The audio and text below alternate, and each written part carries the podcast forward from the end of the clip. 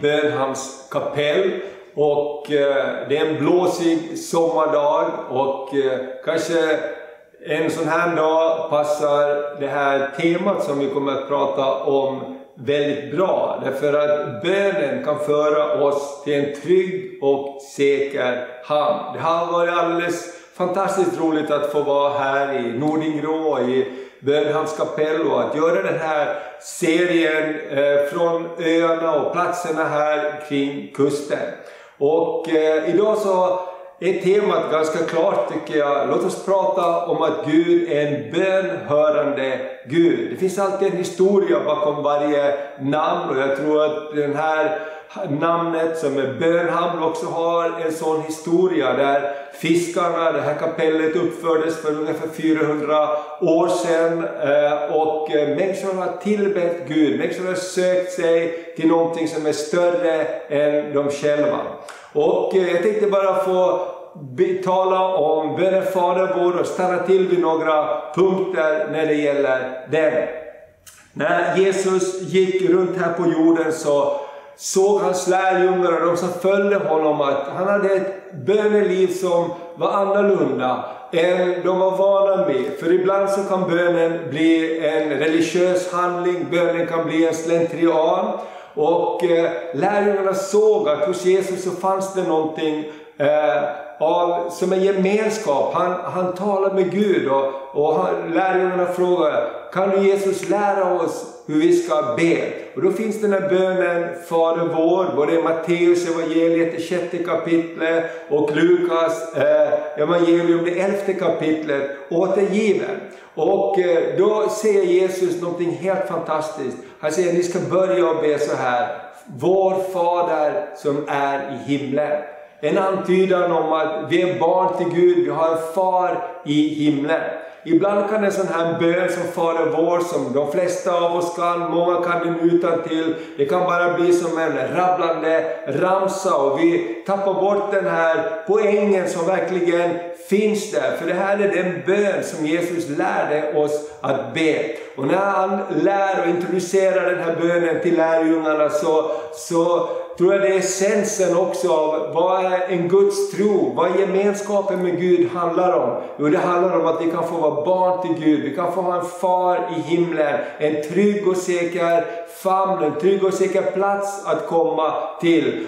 Och, och, bilden av Gud kan vara så olik beroende på ens erfarenhet. Men när Jesus gick omkring här på jorden så gick han kring och gjorde gott och han hjälpte människor. Han, han var som en rebell kan man säga till sin nutid. För han gick till, till dem som samhället sa, du är syndare, du får vara utanför. Det står att Jesus var syndarnas vän. Jesus han gick till de andra inte ville gå till. Han gick in till Sackeus hus och de som sa, var runt omkring honom sa, inte kan du gå in där. Du vet ju inte vem han är. Han är en, han är en dålig person. Och Jesus sa ingenting annat. Får jag bara äta? Får jag komma hem till dig? Och det står att någonting hände i Sackeus hjärta och Sackeus sa, jag vill inte leva längre som jag har levt förut.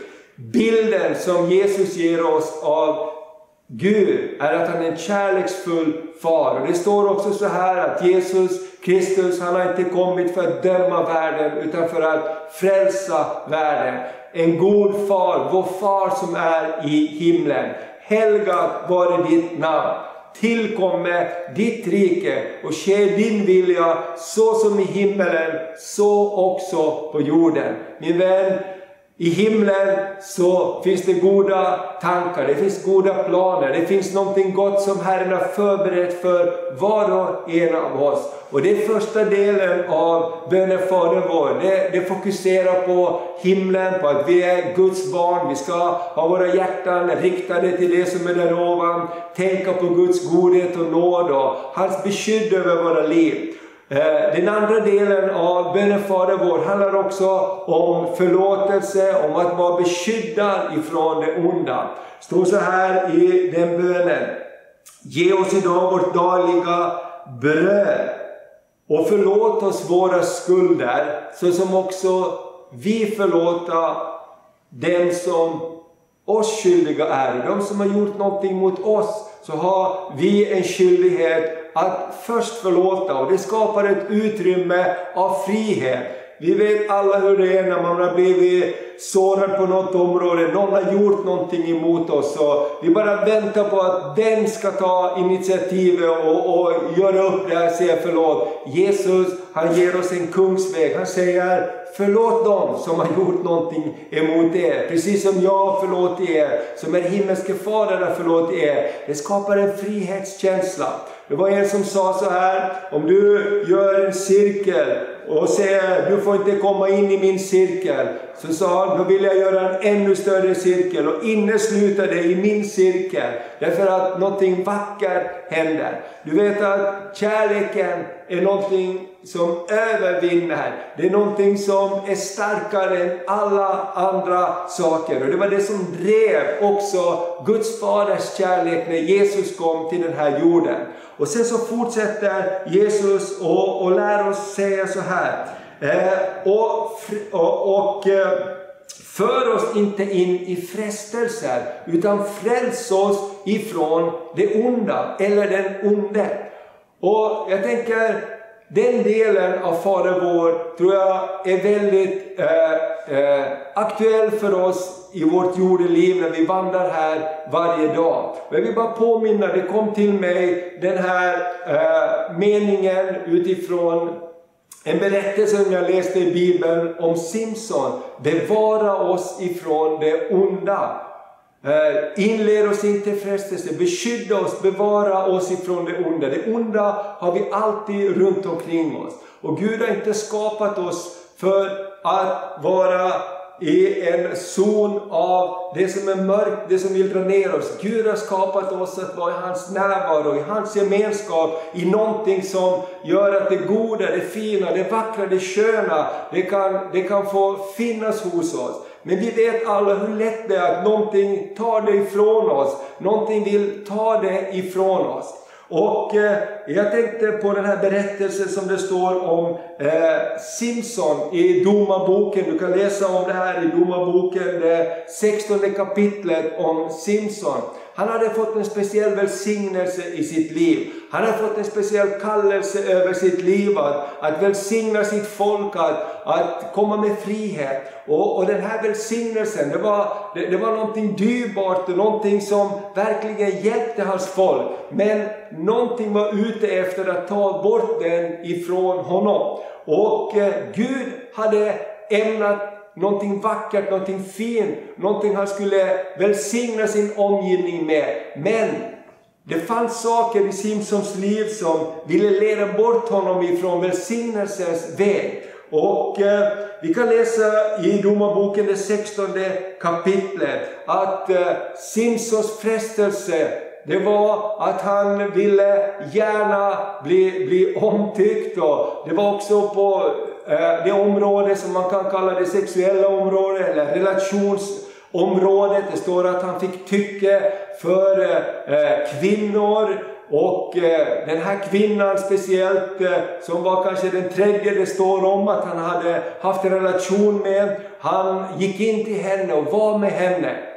Hon hette Delila. Hon tillhörde eh, det folk som, som egentligen var fiende till Simson eh, och Simsons folk. Och de kom och sa till henne, nu när Simson har kommit till dig så kan du inte göra allt som står i din makt och böna och be honom och ta reda på vad är hemligheten med Simson? Att han kan ha sån styrka, att han kan verkligen göra en så stor skillnad. Därför vi vill ta bort det ifrån honom. Och de sa att vi ska ge dig mycket pengar bara du hjälper oss. Och det, det är en så märklig berättelse det här. Därför Simson, han verkligen ägde någonting av välsignelse. Men fienden var ute efter att stjäla det. Och eh, då står det så här i eh, kapitel 16 och från vers 16. När hon då dag efter dag ansatte honom och plågade honom med sina ord, blev han så otålig att han kunde dö. Och han öppnade hela sitt hjärta för henne och sa, hemligheten är att ingen rak kniv har kommit på mitt huvud, för jag är en Guds sedan jag var i moderlivet. Om man rakar av mig håret viker min styrka ifrån mig och jag blir svag som alla andra människor. Väldigt speciell berättelse det här. Det står att innan Simson avslöjade sin hemlighet så hade han tre gånger blivit eh, eh, testad på det här. Och han hade aldrig avslöjat sin hemlighet. Han sa olika saker och han blev testad och varje gång när filistéerna eller fienden kom så ropade lilla Nu är de här! Nu är de här för att ta dig! Och han bara steg upp och han slet de med bojorna av sig som han hade sagt att eh, hon skulle göra för att han skulle bli svag. Ingenting hade hjälpt.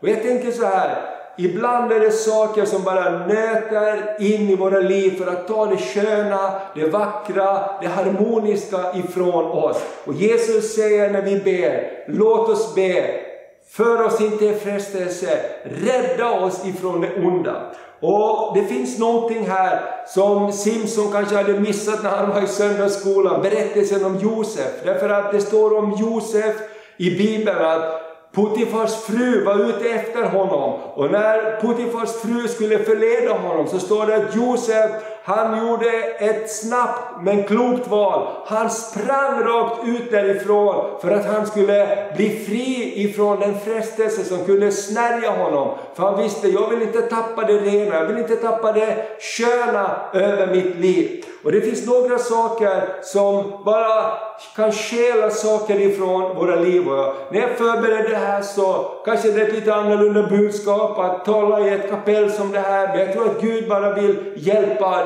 dig, han vill hjälpa mig, han vill hjälpa oss att leva i den skönhet som Gud har skapat, den frihet som Gud har skapat för oss var och en. Kanske det är så nu när vi har haft coronatider, kanske du har kommit in på fel sidor på internet, kanske du har fastnat i ett beroende som du inte vill vara i. Och jag vill bara säga till dig att Gud är inte ute för att döma dig. Gud är ute för att frälsa oss, Gud är ute för att sätta oss fria så att hans kärlek och liv kan flöda genom oss. Och det finns fyra saker som händer när, när begäret, det onda begäret tar över i våra liv. Och Simpsons exempel är ett exempel på det här. För det första, det är ute efter att ta ditt livs dröm och din vision ifrån dig. Simpson sa så här, jag är en nazir, jag har fått en vision, jag har ett uppdrag ända sedan jag var ett litet barn. Och det sitter i, i, i hela min uppsättning, min kallelse. Det är därför jag har ett långt hår. Och klipper du håret av mig så kommer hela min vision att försvinna. Men begäret var så starkt och det är det jag tänker, det finns andra böner som bes. Det står att det lilla, hon låg, låg över Simson med sina böner om att ta det vackra och sköna ifrån honom. Min vän, fienden är en tjuv. Det står i Johannes evangelium kapitel 10 och 10. Tjuven går omkring för att stjäla och slakta. Han vill ta bort det sköna och fina i vårt liv. Jesus har kommit för att vi ska ha liv över nog. Det andra som händer, det tar bort gränsen för ditt sunda förnuft. Ett sunt förnuft skulle säga, Simpson, nu har du tre gånger blivit lurad och försökt bli snärjd på ditt livs hemlighet, på din vision, på ditt uppdrag. Nu är det dags att gå härifrån. Vet du vad det gör? Om man är ett spelmissbruk, om man har kommit in i en olämplig vana, så tror man att det går bara en gång till. Det går bara en gång till. Det sunda förnuftet på något sätt försvinner. Och min vän, jag bara tror att det finns en kraft som kan hjälpa oss. Och det är Guds kraft när vi vänder oss till honom. Och det tredje som händer, det tar också bort fruktan för konsekvenserna. För Simson visste i den stund som den här kvinnan som har lurat mig tre gånger på raken, hon kommer säkert att lura mig den fjärde gången. I den stund som mitt hår blir avklippt så kommer min kraft att försvinna. Fruktan för konsekvenserna och jag vet precis hur det är. Jag har pratat ibland med de som har varit inne i spelmissbruk. Och man kan inte sluta eh, betta, man kan inte sluta satsa. Och till slut så lånar man pengar av alla sina nära, kanske till sina barn, sin moster, sin farmor, sin mormor. Och allt går bara ett svart hål. Min vän, det finns hjälp att få för detta. Det fjärde är, det tar också bort Guds favör över ditt liv. Simson hade haft favör. Allt vad han gjorde så hade han en extra kraft från himlen för. Och det var det precis det här som hände med Simson också. När håret klipptes av hans huvud så tappade han all kraft och han slutade som en fånge. Men det kom en dag också när Simsons hår växte ut och han fick en fantastisk revansch igen. För Gud är en Gud av revansch. Och när jag förberedde det här så eh, kom de här orden till mig i bönen Fader vår. Han vill rädda oss ifrån det onda.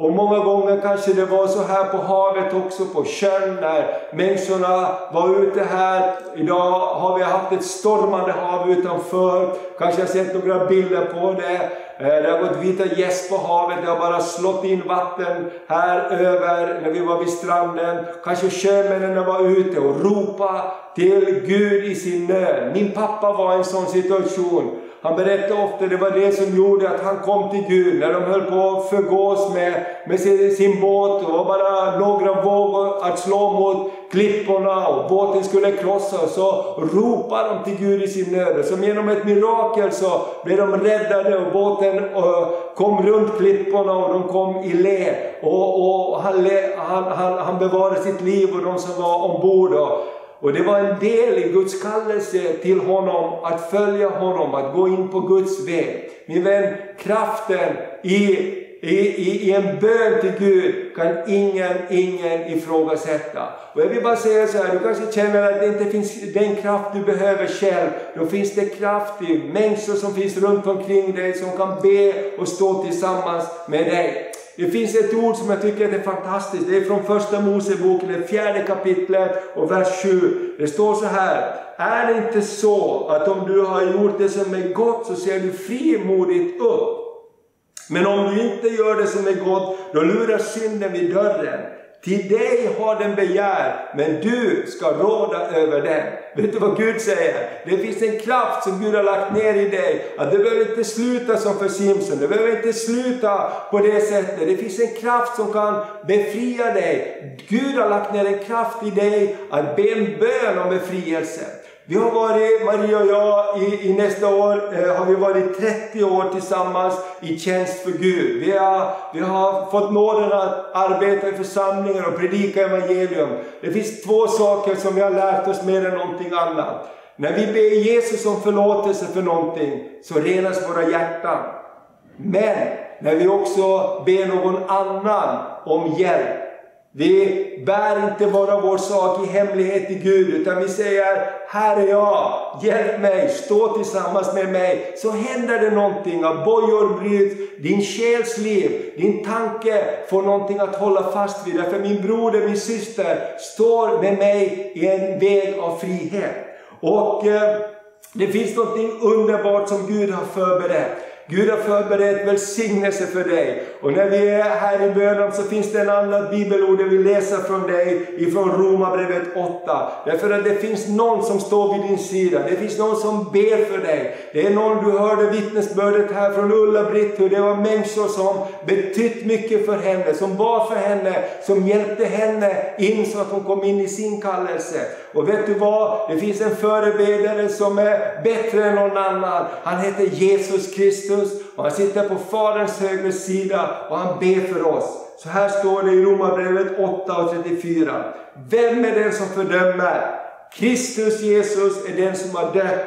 Ja, än mer den som har uppväckt och sitter på Guds högra sida och som ber för oss. Jag är så tacksam att det finns någon som ber för mig, det finns någon som ber för dig. Och, och det är den här bönen att Guds goda vilja, Guds sköna, Guds vackra, Guds fina plan ska hända med dig. Och sitter du fast i någonting så bara ber jag dig, ge inte upp gå inte själv med din kamp. Be någon stå tillsammans med dig. Sök den hjälp du behöver, därför att det finns hjälp att få och du kan få komma ut i en fantastisk frihet. Och jag tänker så här när Jesus säger de här orden i bönen Fader vår, så det är inte eh, för intet att det är så viktigt, de här sakerna. Inled oss inte i frestelse, Fräls oss ifrån det onda. Därför det finns något annat vackert som Gud har berett för oss. För sen så står det i vissa handskrifter också i slutet av bönen så här, som vi brukar be. För riket är ditt och makten och härligheten i evighet. Amen. Amen. Gud han har makten och Gud han har förmågan att göra det inte vi kan. På den här lilla talarstolen som jag har framför mig, eh, där jag har min bibel och anteckningar, så står det Guds vilja är att alla människor ska bli frälsta och komma till kunskap om sanningen och få bli Guds barn. Det är Guds stora vilja, att vi ska få komma in i gemenskapen med honom och uppleva det som han har förberett för oss. Och jag tänker så här att eh, idag så kanske du tänker, åh, jag längtar att få komma in i den där friheten. Jag längtar att få komma in i den där friden som, som du talar om. Och min vän, det är det som är så underbart med evangelium. Det är det som är så underbart med Guds ord. Guds ord är fyllt av hopp. Guds ord är fyllt av liv. Och Jesus kom inte för att fördöma världen, han kom för att frälsa världen.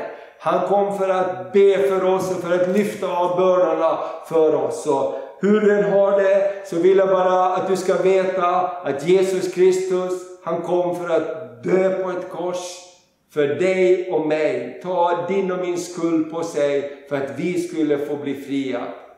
Och han har gett oss en gåva och det är frälsningens gåva. Det är förlåtelsens gåva och hans fråga till dig och mig är varje dag, vill du ta emot den gåvan?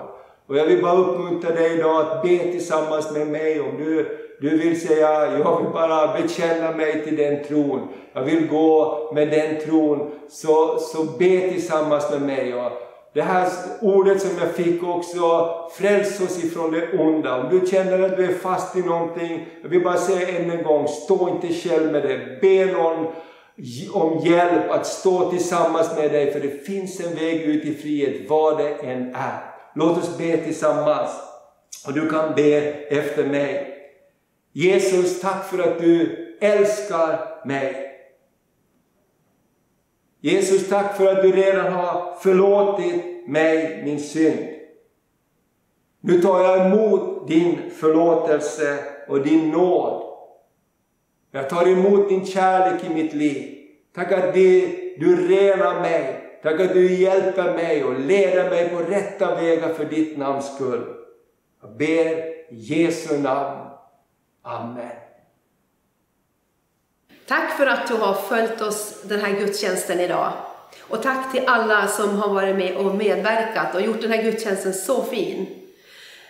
Om du vill ha kontakt med oss eller vill veta vårt program som ligger framför så kan du gå in på svedjeholmskyrkan.se och där hittar du all information som du behöver. Vi ska avsluta genom att du ska få ta emot Herrens välsignelse.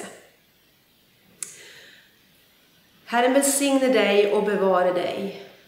Herren låter sitt ansikte lysa över dig och vare dig nådig. Herren vände sitt ansikte till dig och giver dig sin frid. I Faderns, i Sonens och i den helige Andes namn. Amen.